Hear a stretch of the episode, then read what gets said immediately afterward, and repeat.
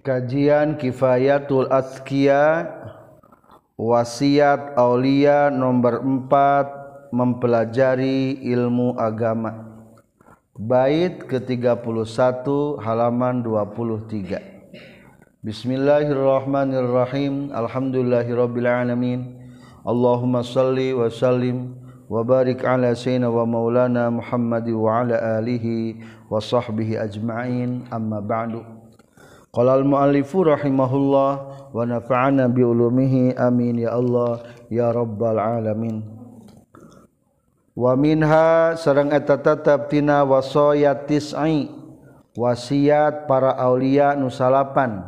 Ta'allamul ilmi syar'iyyi ari mempelajari ilmu syara' wasiat aulia nu salapan kahiji tobat kadua qanaat katilu zuhud kaopat mempelajari ilmu hukum syara' di antara serat aulia dina kitab kifayatul awam aya opat nu kahiji para wali mah kudu apal heula ilmu syariah. Berarti fikih. Kadua kedah mempelajari ilmu tauhid. Disebatkan lamun mah para ulama wafat meninggal dunia maka pertanyaan tentang keagamaan teh bisa ditaruskan ke para wali ke para aulia. Tidak hartos para aulia nu diangkat jadi waliullah sadaya nage terangan karena ilmu hukum sara. Maka orang mempelajarilah ilmu hukum sara. ae wa minal wasayati tis'i jeung eta tetep dina pirang-pirang wasiat anu salapan ta'allumul ilmi syar'iyyi ari mempelajari ilmu bangsa sara nyaeta ilmu agama. Wa huwa jeung ari itu ilmu syar'iyyi al ulumus salasatu eta pirang-pirang ilmu anu tilu allati anu sayusarrahu anu bakal dijelas ke non biha itu salasah wahia jeung ari itu al ulumu salasah al ilmu eta ilmu allazi anu yusahihu anu matak ngesahkeun ieu ladzi al ibadata kana ibadah. Hiji ilmu nu ngesahkeun kana ibadah. Nyaeta fikih wal ilmu jeung kadua ilmu allazi anu yusahihu anu ngesahkeun ieu ladzi al aqidata karena akidah. Dua ilmu pikeun meresan akidah nyaeta tauhid. Wal ilmu jeung katilu ilmu allazi anu yuslihu anu pikeun ngaluluskeun ieu ladi meresan ngaluluskeun teh al qalba kana hate. Katilu adalah manajemen kolbu ilmu untuk memperbaiki dan untuk mensucikan hati. Musanib mulai penjelasannya dengan bait ke-31. Wa ta'allaman ilman yusahihu ta'atan wa aqidatan wa muzakil qalbi skula wa laman ilman yusah qatan wa aqidatan wa muzakil qalbas kula. Wa ta'alaman jeung kudu ngaji sanyana anjeun. Ilman kana ilmu kahiji yusahihu anu ngabenerkeun ieu ilman taatan kana taat. nyaeta pikih wakidatan jeung nu ngabenerkeun kana akidah nyaeta tauhid. Wa muzakkil qalbi jeung ilmu nu ngabersihkeun kana hate nyaeta tasawuf. Uskula kudu herang anjin kudu bersih anjin uskulat ya salogat mah kudu leneng kudu botak wah bukan gini. Maksudnya mah kudu bersih anjin Ia ilmu anu pang nutilu nupang tinggina adalah ilmu tauhid. Henti-hentinya setan ngagoda ilmu tauhid soalnya gagal tauhid hukumnya jadi kafir. Anu kedua adalah ilmu syariah ilmu fikih. Bikin ngesahkan taat setan gesok ngagoda supaya tearsah ibadahna. Dengkatilu adalah muzakil kolbi ilmu pembersih jiwa. Gerapek aji ilmu fikih anu manfaat. Ilmu akidah tilu tasawuf anu pertela.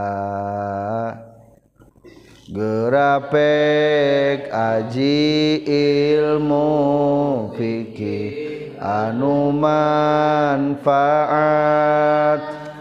Ilmu akidah tilu tasawuf anu pertela. yakni ngamaksud musannif yajibu wajib alika ka anjin Ayu hasaliku hejalma anu keur ngambah pikeun ngahontal kabagjaan di akhirat. Arrogibu anu cinta fima dina perkara. Yusilu anu ngandepikeun ieu maka ka anjeun ila ridallahi taala kana karidoan Allah taala. Wa rasulihi jeung kana karidoan rasulna Allah. anta ta'allama kana yen ngaji anjeun ilman kana ilmu. Yusahihu anu ngesahkeun ilman ta'ataka kana ta'atna anjeun wa ibadataka jeung kana ibadah anjeun. Min wudhu'in nyatana tina wudu wa salatin jeung tina salat wa shamin jeung puasa wa zakatin jeung tina zakat wa hajjin jeung munggah haji. Wa muamalatin jeung tina muamalah transaksi transaksi akad-akadan. Ala wifki syariati netepan ngakuran kana syariat al mutahharati nu disucikeun idzil amalu karena ari amal min gueri ilmin tanpana ilmu batilun eta anu batil. Amal tanpa ilu batil. Qala nyaurkeun sahib nur ruslan fi zubadihi dina kitab zubadna. Wa kullu man gueri ilmi ya'malu amaluhu mardudatun la tuqbalu.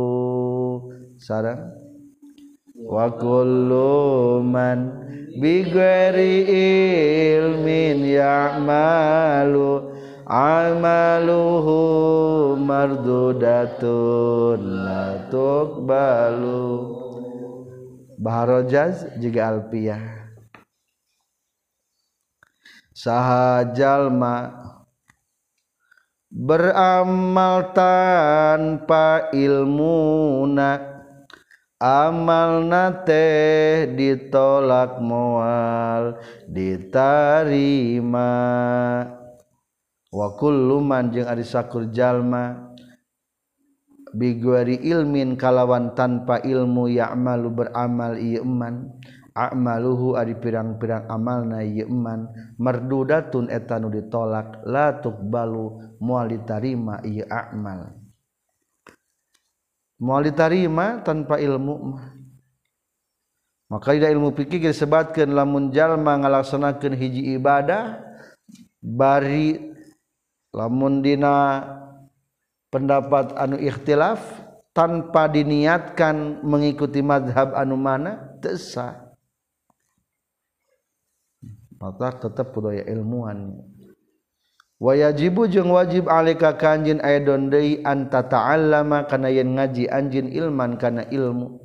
Yusahihu anu ngesahkeun ieu iman ieu ilman i'tiqadaka kana itikad anjin bi ayyakuna kurekanin kabuktian ieu itikad ala wifqi mana tepan ngakuran kana perkara zahaba geus berpendapat tilahi kana ieu ma saha ahlu sunnati wal jamaati ahli sunnah wal jamaah.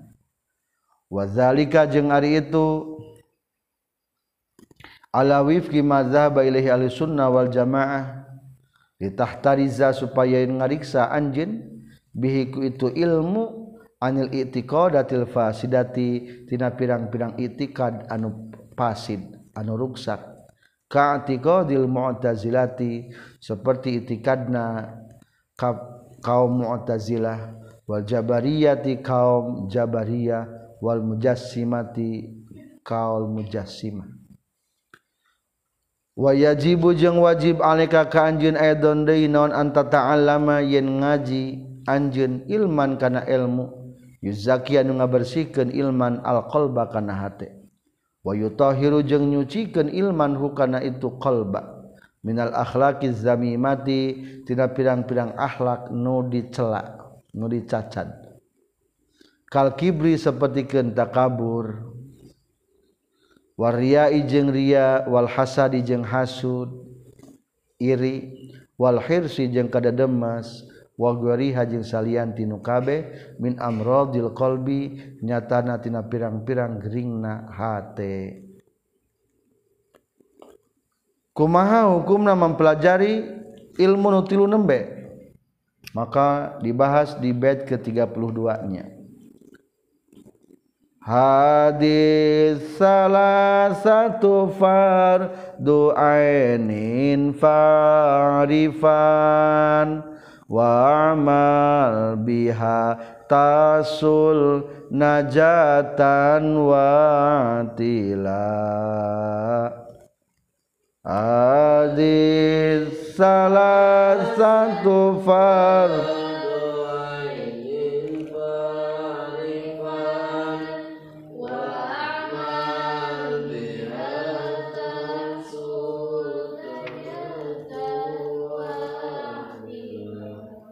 hadis salah satu ari ieu ilmu nutilu fardu ainin eta hukumna fardu ain. Pa'arifan kudu nyaho sanyana anjeun wa'mal jeung kudu ngalakukeun anjeun biha kana ieu hadis salasa tahsul tah bakal hasil anjeun najatan kana kasalametan wa'tilaan jeung kana kaluhuran. ilmu pokok tilu. Tauhid fikih sarang ilmu tasawuf. Ayat istilah ilmu 12 pan.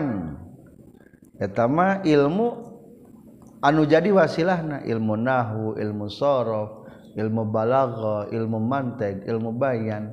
Etama wasilahna. Tetap inti nama adalah karena ilmu nutilu atau lamun menurut kitab i'anah i'anah teh hanya dua. Hanya tilu ulama teh. Hiji ulama ahli hadis dua ulama ahli tafsir tilu adalah ulama ahli fikih. Teu aya ulama ahli nahu. Jadi lamun aya sedekah jang para ulama aya barang wakaf ieu barang wakaf jang para ulama tah ulama teh nu tilu. ulama nafsu mata kebagian ayat ini menyebatkan di taman kaupat adalah ulama ahli tauhid. Maka saking pentingnya ilmu netilu hukumnya adalah fardu ain ketahuilah dan mulailah untuk diamalkan. Ilmu nutilu eta wajib diajina. Fardu ain kasaban muslim anu jugala ilmu ilmu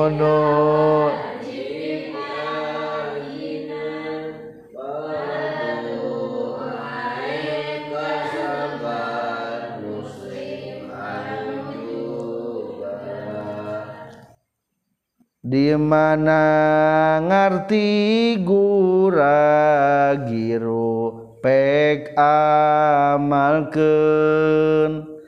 tangtu hasil salamet dunia akhirat lila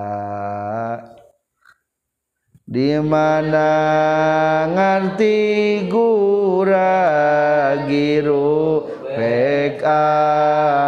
amalken tangtu hasil salamat dunia akhirat lillah. Yakni ngamaksud musannif anna hadhil uluma kana saestuna ieu pirang-pirang ilmu as-salasata anu tilu. Ail ilma teges nakah hiji ilmu Allah di anu yusahi anu ngesaken lazi al ibadah takana ibadah. Wal ilma jeung kadua ilmu allazi anu yusahi wa ngesakeun ieu lazi al i'tiqada kana keyakinan i'tikad wal ilma jeung katilu ilmu allazi anu yuzakki nu ngabersihkeun ieu lazi al qalba kana hate fardu ainin eta hukumna fardu ain. Fa'arifan maka kudungan nyahukeun sanyana anjeun ha kana ieu al ulumas salasah ayajibu tegasna wajib ala kulli ahadin kasaban-saban saurang. Naon ta'allumuha ngajina ha al ulumus salasah wala wala yusa'u jeung teu dileluasakeun teu dibebaskeun. Ahadan ka salah saurang naon jahluha bodona kana hadi. wal ulumus salasah. Tidak ada kemurahan. Tenyahon util wahazihi sarang ari ieu al ulumus salasa hiya eta ari tuhadihi al ulumus syar'iyyah. Eta pirang-pirang ilmu syara atau ilmu agama annafi'atu anu manfaat. Wa'mal jeung kudu ngalakukeun anjeun biha kana itu al ulumus salasah. Aili annahu tegesna karena setuna kalakuan jeung tingkah. La kholaso teu aya salamet eta tetep lil alimi pikeun jalma nu berilmu. Illa iza amila kajaba di mana-mana ngamalkeun ieu si alim bi ilmihi kana ilmuna si alim.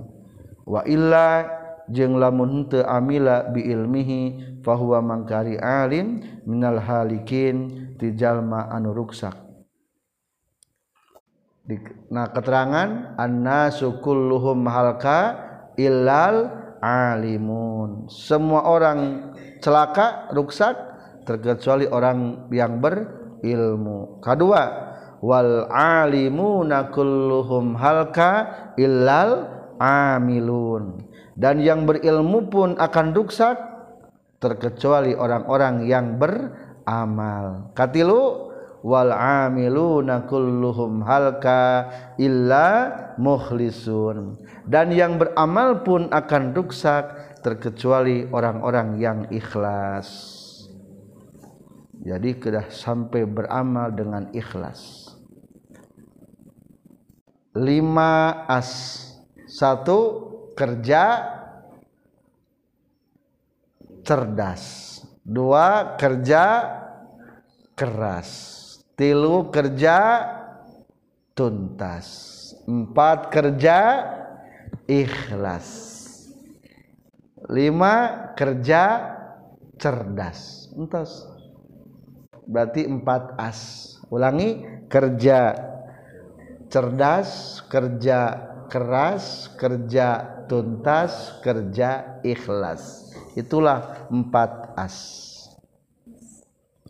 Kala nyaurkeun sa Ibnu Ruslan Ibnu Ruslan fa'mal wala bil asri kazakati takhruj bi nuril ilmi min dulumati. Bahar Rojas Pak Mal kudu ngalakukeun anjeun. Walau Bil asri yang karena Sabtu persepuluh nah kazakati seperti genjakat tenaon-naon ngamalkan ilmu hanya 10 persen wios sok be amalkan jika zakat tuh 2,5 persen 10 persen zakat pepelakan. Tahruz dah bakal keluar anjin binuri ilmi ku cahaya ilmu min zulumatin tina pirang-pirang pepoek faalimun biilmihi laim yamalan munazabun min qabli abidil wasan. Faalimun maka jalman berilmu biilmihi ku ilmu na ieu alim lam ya'malan teu ngamalkeun saenyana ieu si alim muazzabun eta nu bakal disiksa min qabli abidil wasan ti sameme nu nyembah berhala. Yang berilmu tidak mengamalkan ilmunya maka akan disiksa sebelum para penyembah berhala. Maksudnya lamun ngamalkan anu wajib atau anu haram. Ongko apal wajib dilaksanakan ongko apal haram kalah dilaksanakan tan gitu muazzabun min qabli abidil wasan. Fa'alimun bi'ilmihi lam ya'malan muazzabun min qabli abidil wasan. Baca. Fa'alimun bi'ilmihi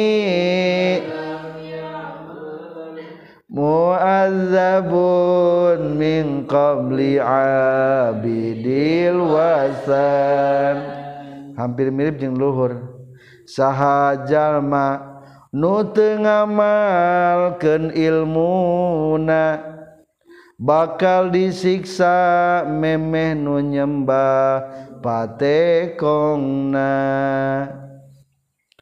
Fain arafta maka di mana-mana geus nyaho anjeun ha kan al ulum salasa wa amilta jeung geus ngalakukeun anjeun biha kan al ulum salasa tahsul tah bakal hasil laka pikeun anjeun naon an najatu kasalamatan fidalil akhirati di lembur akhirat.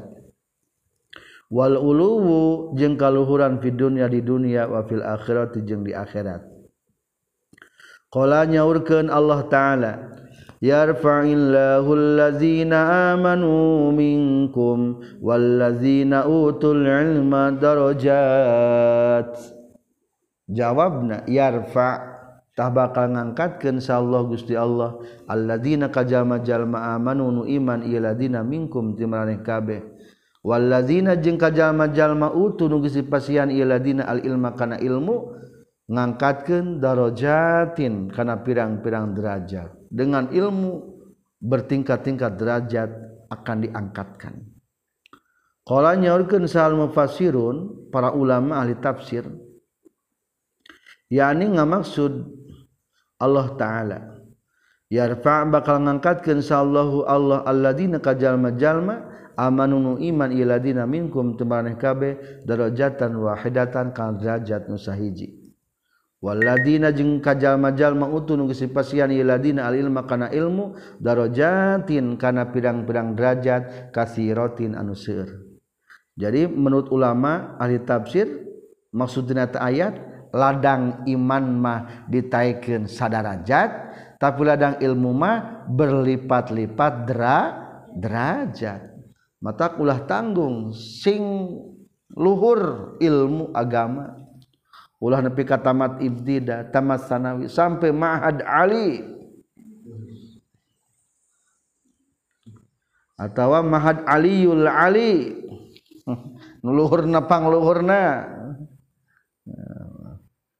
Utul ilma darajat. Qala nyaurkeun sa ibnu abbas radhiyallahu anhuma yarfa ngangkatkeun insyaallah Gusti Allah al ulama ka pirang-pirang para ulama yaumul qiyamah dina poe kiamat ala sairil mukminin ngelehkeun kasasana jalma mukmin bisab miati darajatin ku 700 ku 700 derajat. Cing lamun aya ting aya hotel berbintang 700 tingkat. Tah nu awam panghandapna.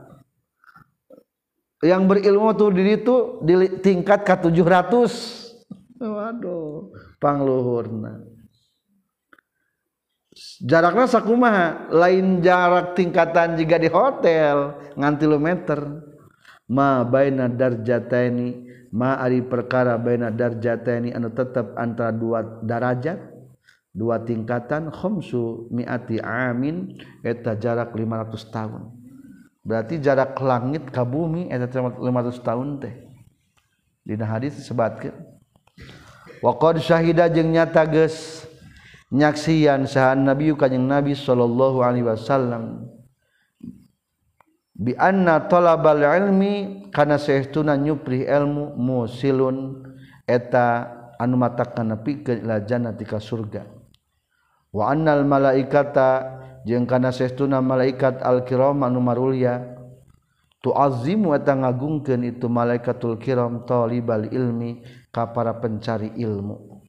Ikraman karena ngamuliakeun lil ilmi kana ilmuna. Ayeuna urang keur mencari ilmu sebetulnya mah inilah yang akan menyampaikan kita ke surga. Ayeuna urang keur mencari ilmu sebetulnya di sekeliling kita ada malaikat yang sedang mengagungkan kita. Karena faktor ilmu.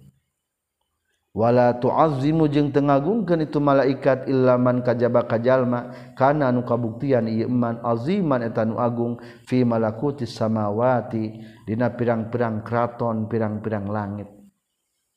Bahkan ka orang berilmu mah lauk-lauk nu aya di lautan pun batu-batu kerikil pun membacakan salawat dan doa kepada para ulama. Dah hese ngapalkeunana tuh deui poho deui itu ngan dihadiahan ku Allah diagungkan kepada malaikat dan makhluk yang lainnya. Maka demi untuk mendapatkan titel alim yang berilmu ngapal deui ngapal deui wakola jeung nyaurkan sahabatdul masayih sebagian pirang-pirang guru waroda gesumping alena ka urang sadaya sarojulun hijalaki sanadiyun anu bangsa sanadi min ahli kasaf ti ahli kasaf. Jadi ari ahli kasaf teh ahli anu geus terbuka terang kana rahasia hal goib dibukakeun ku Allah. wakana jeung kabuktosan eta rajulun sanadiyun min ahli kasab la yaqumu teranang ngadeg itu si rajul li ahadin ka salah saurang illa li talibil ilmi kajaba ka para pencari ilmu. Aya ahli kasab insyaallah ieu teh geus kalebet kana waliullah. Tapi lamun aya nu keur nyupri ilmu ka santri sok ngadeg ngahormat. Naon sababna tah? Wayakulu jeung ngucapkeun itu si rajul innama aku mupasina ngadeg kaula iza raaitu di mana-mana ningali kaula al malaikata ka pirang-pirang malaikat. Takumu ngadeg itu malaikat. Ma'annahu sarta saestuna tu sirajul kana kabuktian itu sirajul la ya'rifu wa itu sirajul annasa ka jalma-jalma. Jadi pangnang ngadeg teh sebetulna mah menyertai para malaikat anu keur ngadeg menghormati orang yang berilmu. Lain kepada kenal kajal mana? Jeung geus nyaksian edon deui kanjing Nabi sallallahu alaihi wasallam. Bi annal alima kana sayyiduna jalma nu berilmu yastagbiru. Eta bakal mangmentak eta mang macakeun istighfar lahu pikeun si alim. Non ma perkara fisamawati nu aya di piang-perang langit wamajeng perkara filardin aya di muka bumi. Seisi langit seisi bumi membacakan istighbar kepada orang yang berilmu. Di orang mata dimuliakannya kalah di di urang mah banyak ulama-ulama yang dihinakannya kadang-kadang digunjing dicela dicaci maki kade ulah milu nyela bisima eta malaikat nu ngagungkeun ka aranjeunna kalah mencela urang. Dabongan urang menghinakeun aranjeunna. Wa ayyuman sabin jeung ari mana pangkat azamu? Anu leuwih agung min mansabiman tina pangkatna jalma. Tastagilu anu katungkul saha malaikatus samawati pirang-pirang malaikat langit. Wal ardi jeung malaikat bumi. Bil istighfari ku ismang macakeun istighfar lahu pikeun ieu fahuwa mangka itu siman masgulun eta anu disibukeun bimaku perkara huwa anu ari itu siman pina yema. Wahum jeung ari malaikat masguluna eta anu disibukeun biduai ku ngaduakeun lahu ka yema. Para santri mah sibuk ngalogat, ngapalkeun, balikan deui. Padahal mah aya malaikat anu sibuk ngaistag paranan deui urang nyolawatan di urang. Maka bagja pikir orang yang berilmu. Wabil jumlati jeung kalawan sagemlenganana secara globalna. Fama mangkari perkara waroda nus datang itu ma fi fadlil ilmi na kautamaan ilmu. Wal ulama jeung kautamaan ulama syai'un eta perkara kasirun anu seueur. Banyak sekali tentang menjelaskan ulama dan ilmu wasayat guru jeung bakal nyarioskeun saan nazim nu nganadzam ba'da fadailiha kana sebagian pirang-pirang kautamaan itu ulama. Fil mabhasi hifdil awqati dina bahasan ngajaga waktu. Panas alu maka nyuhunkeun urang sadaya Allah ka Gusti Allah ayo haqiqo kana yang muga nganyatakeun Allah ngabuktikeun na ka urang sadaya bil ilmi kana ilmu wal amali jeung kana amalna. Bijahin nabiyyi ku berkah keagungan kanjing nabi al karimi anu mulia. Alaihi tetep ka kanjing nabi afdalus sholati ari kaupang utamana sholawat wazkat taslim jeung pangbersihna salam. Wasiat aulia nomor 5 adalah ngajaga sunnah. Waminha jeung eta tetap tinasa palihna wasiyatut tis'i wasoya tis'i al muhafazatu ari ngajaga minas sunani tina pirang-pirang sunnah. Ari nu wajib mah geus wajib eta mah kudu fardu ain. Lamun hayang menuju kawalian mah usahakeun perbanyak sunnah. Mata qarraba abdi bin nawafili hatta uhibbahu. Tak semata terus menerus seorang hamba melakukan sunnah terkecuali Allah akan mencintainya. Ay wa minal wasayatis'i jeung eta tetap tina sebagian wasiat nu salapan al muhafazatu ari ngariksa ala sunani kana pirang-pirang sunnah wahia jeung ari lapan sunnan jam'u sunnatin eta jama' tina lapan sunnah.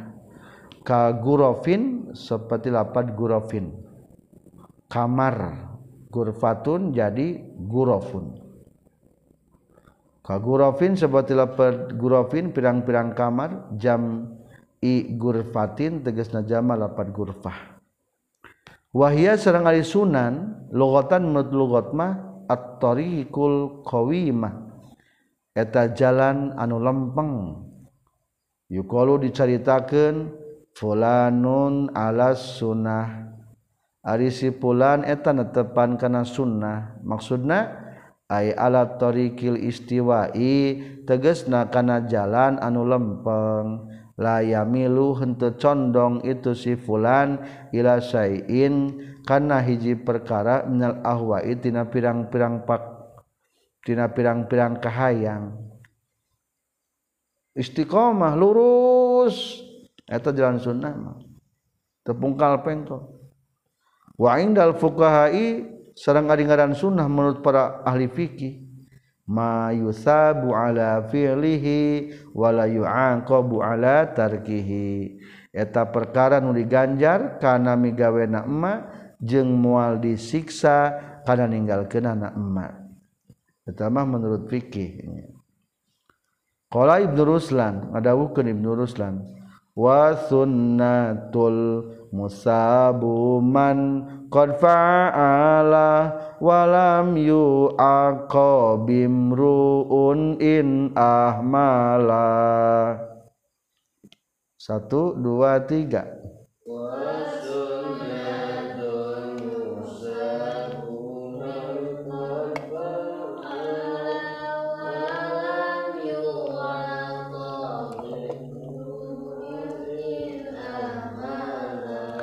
wasunnah tuh jeung ngaran sunnah al musabu etanu diganjar sahaman jalma qad faala anu nyata geus ngalakukeun ieu man hu kana itu sunnah.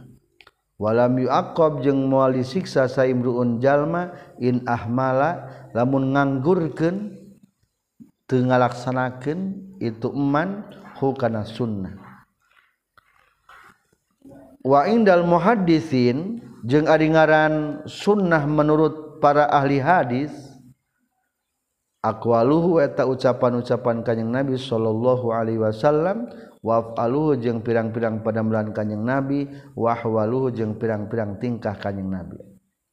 Berarti maksud muhafadah ala sunnah di dieu mah menjaga sunnah menurut fikih. Dan tentu pasti ayat sandaran hadis jeung Qur'an Hafiz ala nusu. Bait ke-33 Hafiz ala sunanin wa adabin atat. Masuratan an khairi man ja mursala hafiz ala sunanin wa adabin atas masuratan an khairi man jamur salah. Hafiz kudu ngariksa anjin ala sunanin kana pirang-pirang sunnah. wa adabin yang kana pirang-pirang tata krama masuratan barina anu maksur geus aya maksur ti dituna an khairiman tina pangsaena jalmi ja anu geus datang ieu eman mursalan bae diutus. Anu maksur katampi ti kanjeng nabi sallallahu alaihi wasallam. Jagalah mengerjakan sunnah pelihara sunnah. ngariksa Anjen kana sunnah jeung kasopanan anu datang ti nabi dina hadis tetela ngariksa Anjen kana sunnah jeung kasopanan anu datang ti nabi dina hadis tetela.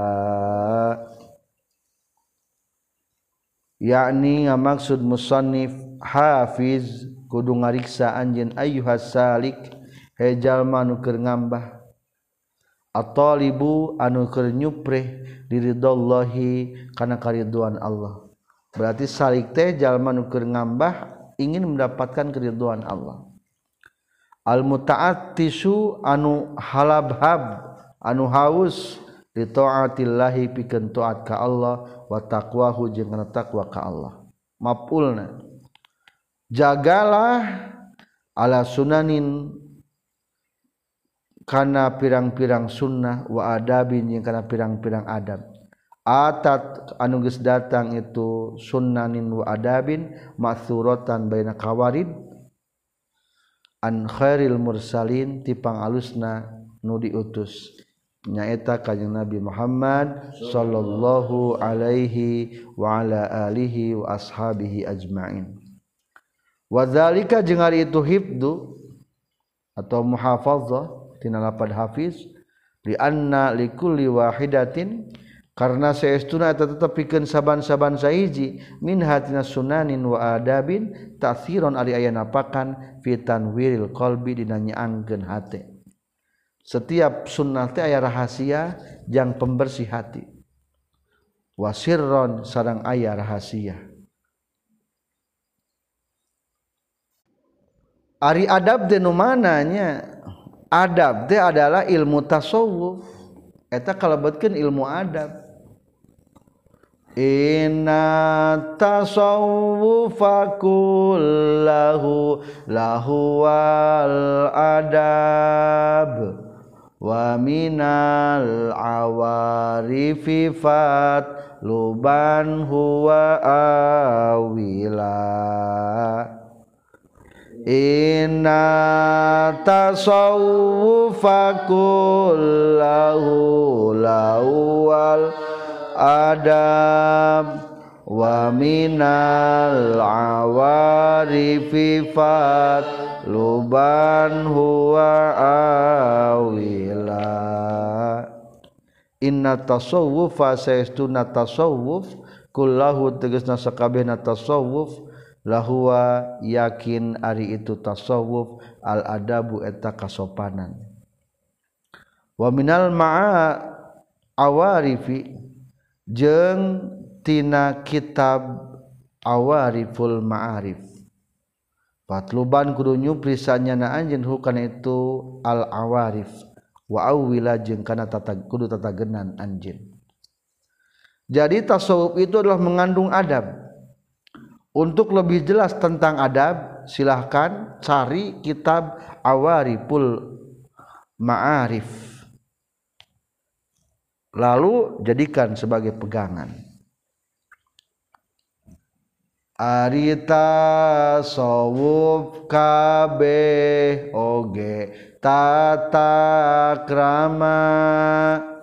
Kagusti Allah pek aji Kagusti Allah pek aji ma'rifat arita sawuf be oge tata krama. Pek aji ripat heula lama kanat samang-samangsa kages kabuktian non as lama kanat samang-samangsa kabuktian saha as-sufiyatu ahli sufi. Aksaron nasi etapang lobana jalma naonana hazzon bagian. Minal muhafazati tina ngariksa ala sunani nabi kana sunnah sunnah kanjing nabi sallallahu alaihi wasallam. Wa adabihi jeung kana tata krama kanjing nabi wa takhalluqi jeung kana gawe akhlak bi akhlaqihi ku akhlakna kanjing nabi. Zahiran lina zahirna wa batinan jeung batina. Wa nalu jeung ngarawat itu sufiyah. Bizalika ku itu al muhafadzah ala sunan al maratiba kana pirang-pirang martabat al aliyata luhur. Wal maqamat jeung kana pirang-pirang maqam derajat asaniyat ta anu luhur ra'au berpendapat itu supiyah ha kana muhafadzah ala sunan ar-ruknal a'zam karena tihang anu Agung tasawuf pipikan tasawuf. Tihangnya tasawuf adalah sunnah dan adab. Fatlaku maka ngucapkan itu sufiah atas sawuf karena atas sawuf alaiha karena itu muhafazah ala sunan ala kaulihi sallallahu alaihi wasallam. Sesuai jeung kana dawan Rasulullah sallallahu alaihi wasallam al hajju arafatun. Al hajju ari munggah haji ari gegede nam ibadah haji arafatun eta di arfah lamun nang tasawuf mah ari gede tasawuf nyaeta sunnah jeung adab. Ay ma'zam warkanihi tegas nama pangagung narukuna haji al wukuf wa tawukuf bi arfata di arfah. Lamun diasupkeun kana kata arfah. Faqad faliza jeung kulantaran faatlaku at tasawuf 'alaiha luhurna sarraha ngajelaskeun sa nazim wa nazim bima kana perkara zakaro dukira anu ceritakan itu ma Pakola maka nyaurkeun nazim nu nazom. Inna tasawuf fasihuna ilmu tasawuf kullahu tegas sakabeh tasawuf lahua eta yakin ari tu tasawuf al adabu eta adab. Ai ma'dhamu arkanihi tegas nama pangagungna rukun atau tihang-tihangna itu tasawuf al adabu eta adab Kala nyariyo saha Abu Hafsin Al-Haddad. At-tasawwuf wa at-tasawwuf kulluhu tegas kabina tegas nasa kabina tasawuf adabun eta adab. Likulli waktin eta tetap pikeun saban-saban waktu adabun ari aya adab, tata kesopanan, tata krama. Walikul halin yang tetap pikeun saban-saban tingkah adabun ari aya adabna walikulli maqami eh, eta saban-saban maqam adabun ari aya tata kramana faman maka sahajalma lazima anu ngamistian ieu man menepati umpamana adabal auqati kana adabna pirang-pirang waktu balago tah bakal nepi ieu man mablaghor rijali kana tempat nepi na pirang-pirang jago. Waman jeung sahajal madayya anu noler-noler atau nga memorekken Iman mensia-siakan. Al-adaba kana tata krama fahuwa taharitumman ba'idun. Eta anu jauh. Min haitsu yazunnu sakira-kira nyangka ieu man al-qurba kana deukeut. Lamun teu make adab mah serasa asa geus deukeut jeung Allah lama jauh kene wa bardudun jeung eta anu ditolak min haitsu yarju sakira-kira ngarep itu si iman alqabula kana tarima. Lamun teu make adab mah serasa akan diterima pukul ditolak. Pinter karena ilmu. Ngan teu make adab serasa rek manfaat ku ilmu padahal naudzubillah kadang-kadang sebaliknya. Wadabul awqati jeung ari tata krama pirang-pirang waktu al huququ eta pirang-pirang hak alkainatu anuges tumetep bihakan itu awqat. Min wazo ifil ibadati zohirati nyatana tina pirang-pirang tugas ibadah. Wazoif tugas ibadah anu dohir. Min salatin nyatana tina salat wasiamin jeung puasa wa gorihima jeung salian ti salatin wasiamin wa minal muamalatil batinati jeung tina muamalah anu batin. Allati anu taqtadi anu ngudukeun hukana itu muamalah batina naon ahwalul abdi pirang-pirang tingkah hamba. Jadi ari adab mah aya adab beda-bedanya. Aya ada bina waktu aya ada bina keadaan aya ada bina tempat. Tapi maka ngabahaslah penting menjaga adab nu berkaitan yang waktu cari tugas apa yang berkaitan dengan waktu sekarang. Datang ada bina waktu tah Kalau nyaurkeun sa Sayyidi Abdul Abbas Al-Mursi Said Abdul Abbas Al-Mursi radhiyallahu an. Abu Abbas Al-Mursi teh guruna Abu Hasan As-Sazili. Saur anjeuna awqatul abdi ari waktu ari pirang-pirang waktu hamba arbaatun eta aya opat. La khamisat aya kaliman eta tetep laha pikeun awqatul abdi waktu nu bertalian jeng orang mau lepas tina opat.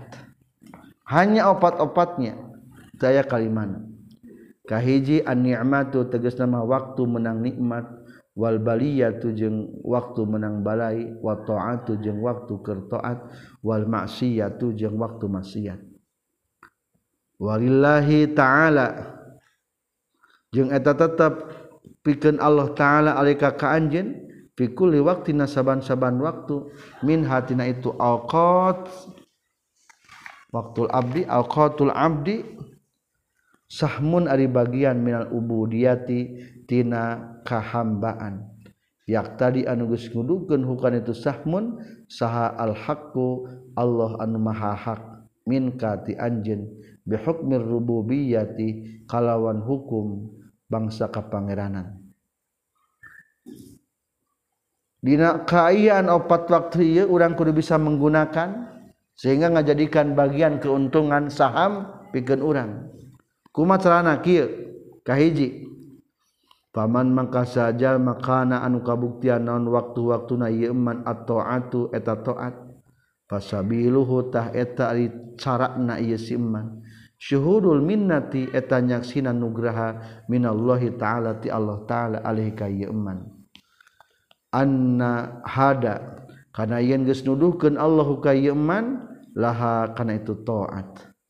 Wa wafaqa jeung geus naopekan Allahu ka yeman lil qiyami pikeun ngalakonan biha kana itu taat.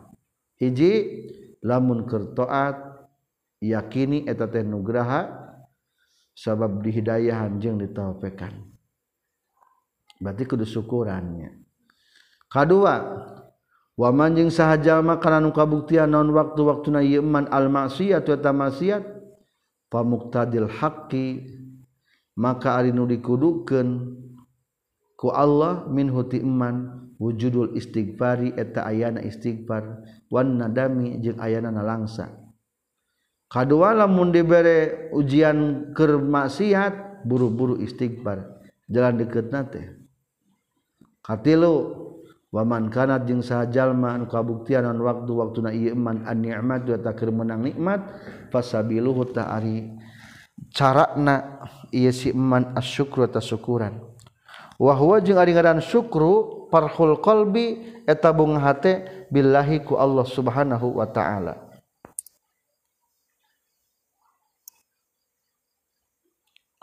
Ngarasakeun bunga hate ku Allah subhanahu wa taala. waman kaopat. Waman yang sajajal makanan anu kabuktian.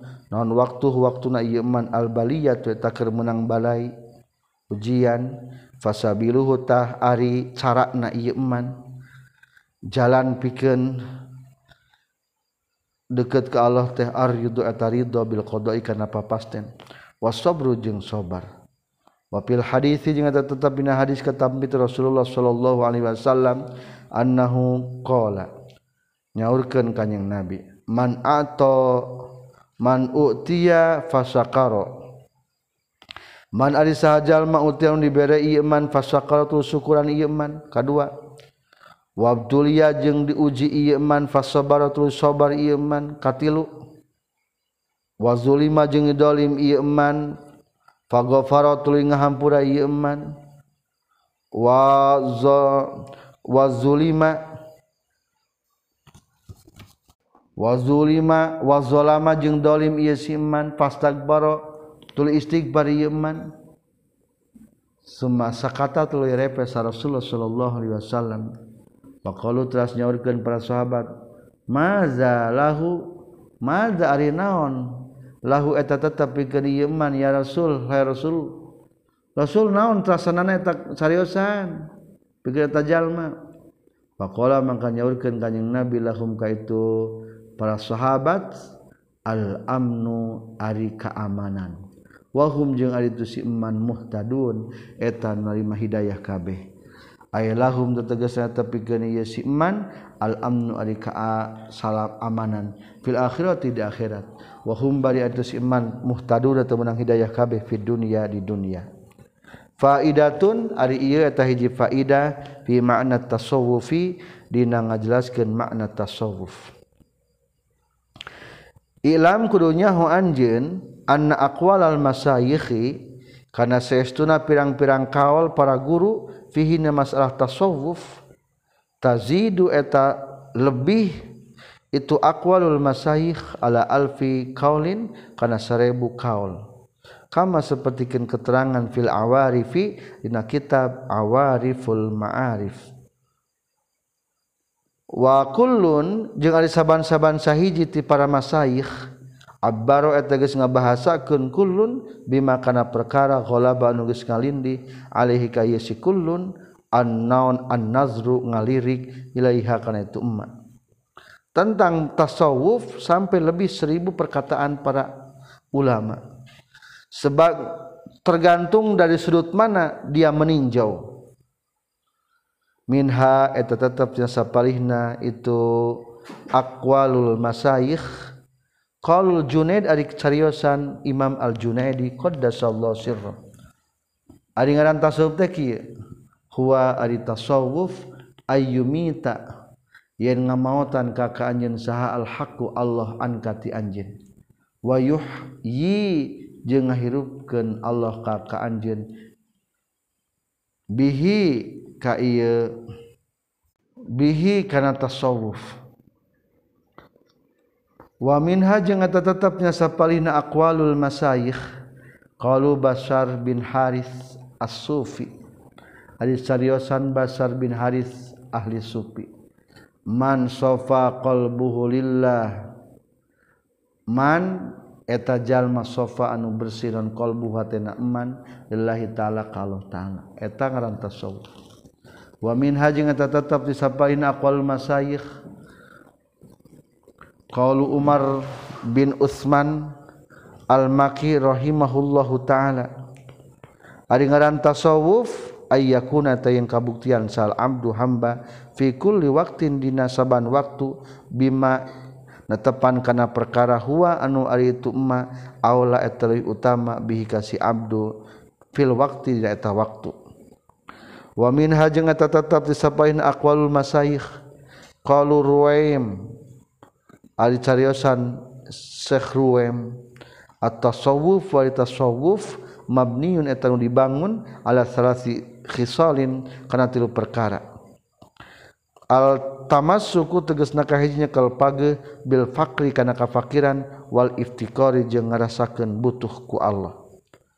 Kadua wa tahaqququ jeung nganyatakeun bil bazli kana masrahkeun wal isari jeung ngutamakeun. Asalogat memilihkeun tasawuf mah utamakan orang lain kasih kepada orang lain. Wa tarku ta'arrudi jeung ninggalkeun ngaganggu. Wal ikhtiaru jeung ikhti watarku ta'arudi yang ninggalkan ngasong-ngasong wal ikhtiari jeung ninggalkan ikhtiar. Kelas tingginya nulis tasawuf kelas tinggi kadang-kadang terikhtiar yakin betul ke Allah. Wa min hajeng eta tetap disapain aqwalul masayikh qalu sahal as ai sahal. asupi Ari, Ari ahli supi.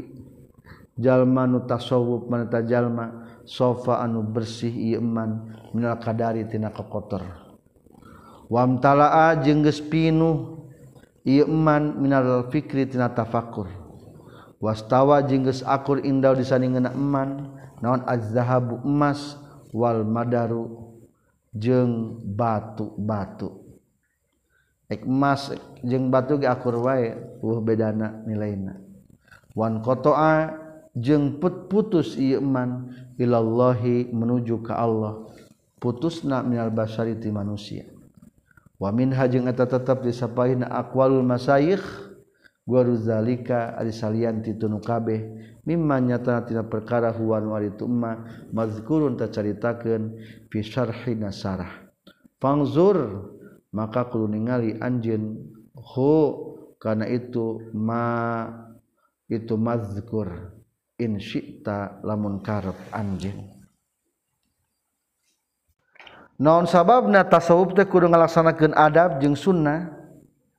Maka dibahas perkataan musannif di bait ke-35 36 Izla dalila ala tariqi ilal ilah illa mutaba'atur rasulil mukamila.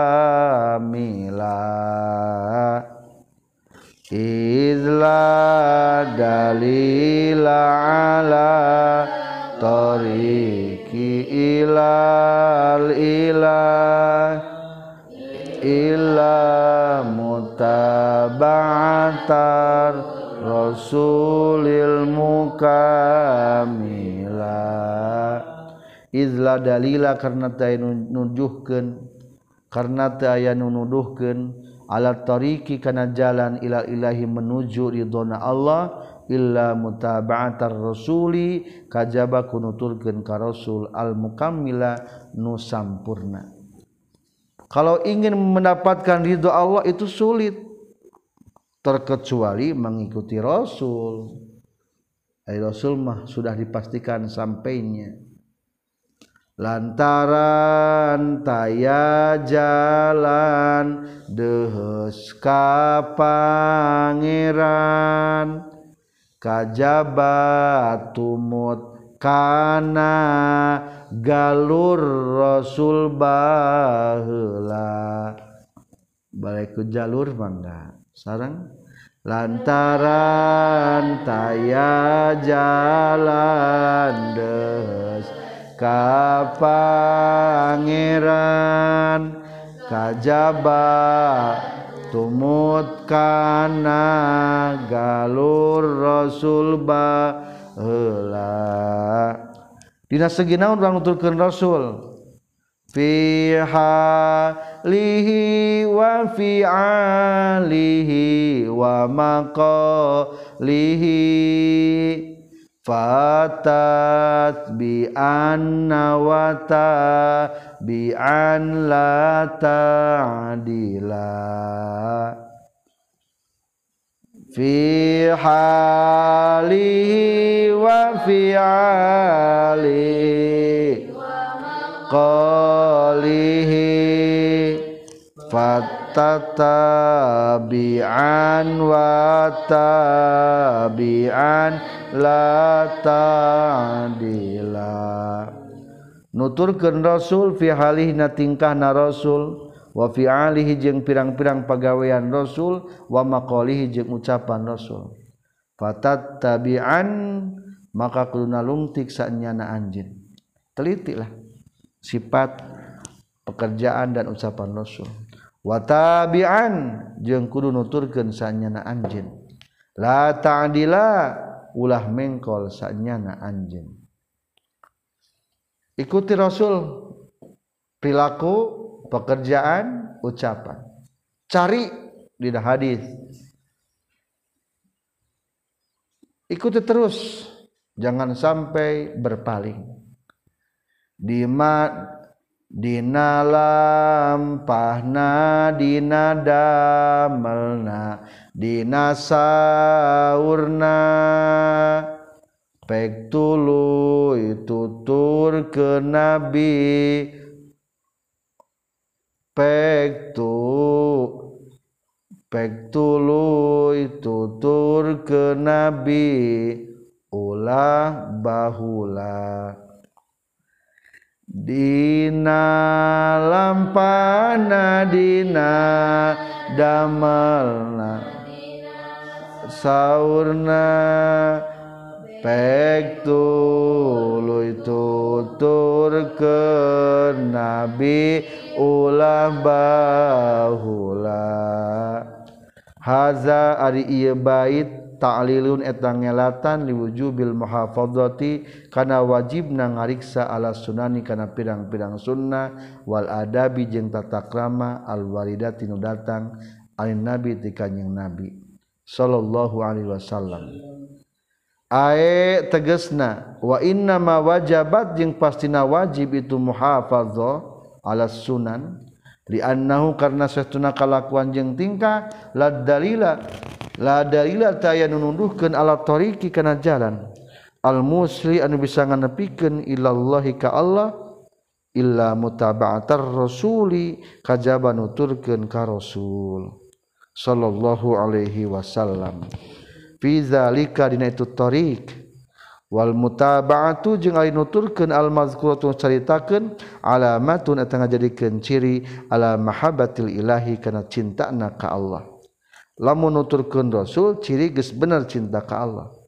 Qala ngadawuhkeun Allah taala Qul in kuntum tuhibbunallah fattabi'uni yuhibbukumullah wa yaghfir lakum dzunubakum Qul bejakeun ku anjeun Muhammad in kuntum lamun kabuktian maneh kabeh tuhibbuna tamika cinta maneh kabeh Allah Gusti Allah. Fattabi'u maka kudu nuturkeun maneh kabeh ni ka kaula. Yuhbib tah bakal mika cinta kum ka maneh kabeh sa Allah Gusti Allah. Wa yaghfir jeung bakal ngahampura Allah lakum pikeun maneh kabeh. dzunubakum kana pirang-pirang dosa maraneh kabeh. Fal khairu mangka di kahadian kulluhu tegasna sakabehna khair fil ittiba'i dina nuturkeun ka rasul. Wasarru jeung ari kagorengan kulluhu tegasna sakabehna kagorengan fil ibtidai dina gawe-gawe. Tina pembaharuan-pembaharuan tanpa menggitu rasul. Yang terbaik dalam agama adalah mengikuti rasul. Yang paling jedek jelek adalah pembaharuan-pembaharuan yang tidak sama dengan rasul. Waiza arafta jeung di mana-mana geus nyahu anjeun dalika kana itu al khairu kullu fil ittiba fatat tabi'an maka kudu nalungtik anjeun meneliti ahwalahu kana pirang-pirang tingkah kanjing Nabi sallallahu alaihi wasallam waf'alahu jeung kana pirang-pirang padamelan kanjing nabi wa aqwalahu jeung kana pirang-pirang ucapan kanjing nabi. Ai istakri tegasna kudu menta macakeun anjeun ha kana eta ahwal. Cing tanyakeun ka santri cing pang macakeun atuh kumasih perilaku rasul. Wa hasil jeung kudu ngahasilkeun anjeun ha kana itu ahwalahu sallallahu alaihi wasallam. Wa arif Waif jeung kununganyahukan anjin hakan itu ahwalahu. Watabi jeung kunuturkan anjin hukanyang nabi pihan itu ahwal. Wala ta'dil jeung ulah mengkol anjin anha tina itu ahwal. Aila tamul tegasna ulah mengkol anjin an mutaba'atihi cul tina nuturkeun ka kanjing nabi. biantatruka kurekan yang ninggalkeun anjeun. Sayan kana hiji perkara minal adabi tina tata krama wa sunnani jeung tina sunnah min guari uzrin kalawan teu aya udur. Lima karena perkara alim ta anu geus nyaho anjeun. Anna mutaba'atahu kana saestuna nuturkeun ka rasul aklu aslu kulli khairin eta pokokna saban kahadean wa sa'adatin jeung saban kabagjaan.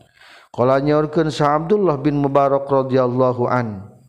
Man ari saha jalma tahawana nu gampangan ieu iman bil adabi kana tata krama ukiba tah bakal disiksa ieu iman biharmanis sunani ku kahalangan pirang-pirang sunnah.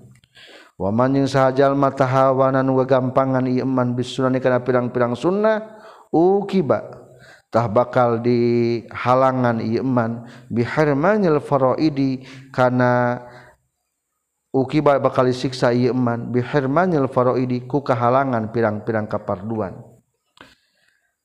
sahjal manu tidak memperhatikan adab maka akan terhalang melaksanakan sunnah. Barang siapa yang tidak memperhatikan sunnah, terkadang akhirnya bahkan terhalang melaksanakan fardu. Jadi simpulnya melamun orang tara sunnah kadang-kadang kena kajitnya tara fardu. Nauzubillah, mata jaga terus. Katilu waman jeung sahajal matahawana nu gampangan itu man bil faraidi kana fardu ukiba kali halangan Yeman bihirmanil ma'rifah uki baba kali siksa iman biharmanil marifah ku di halangan marifah. Lamun gagampangan karena fardu sakapeng fardu sakapeng henteu khawatir di halangan karena marifat imana kadang-kadang kaganggu. Panas alu maka nyuhun kedurang sadaya Allah ke Gusti Allah ayyamunna karena yen masihan nugraha Allah orang ka urang sadaya bikamalil mutabaati kana sampurna nuturkeun rihadan nabiyil karim ka ieu nabi anu mulia. Alaihi tetep muga ka kanjing nabi afdul sholati ari pangutamana rahmat wa zakat taslim jeung pangbersihna salam. Sekian pelajaran kita. Dua materi nomor empat adalah kita harus mencari ilmu nomor kelima adalah menjaga sunnah. Subhanaka allahumma bihamdika asyhadu alla ilaha illa anta astaghfiruka wa atubu ilaik. Rabbin fa'na bima 'allamtana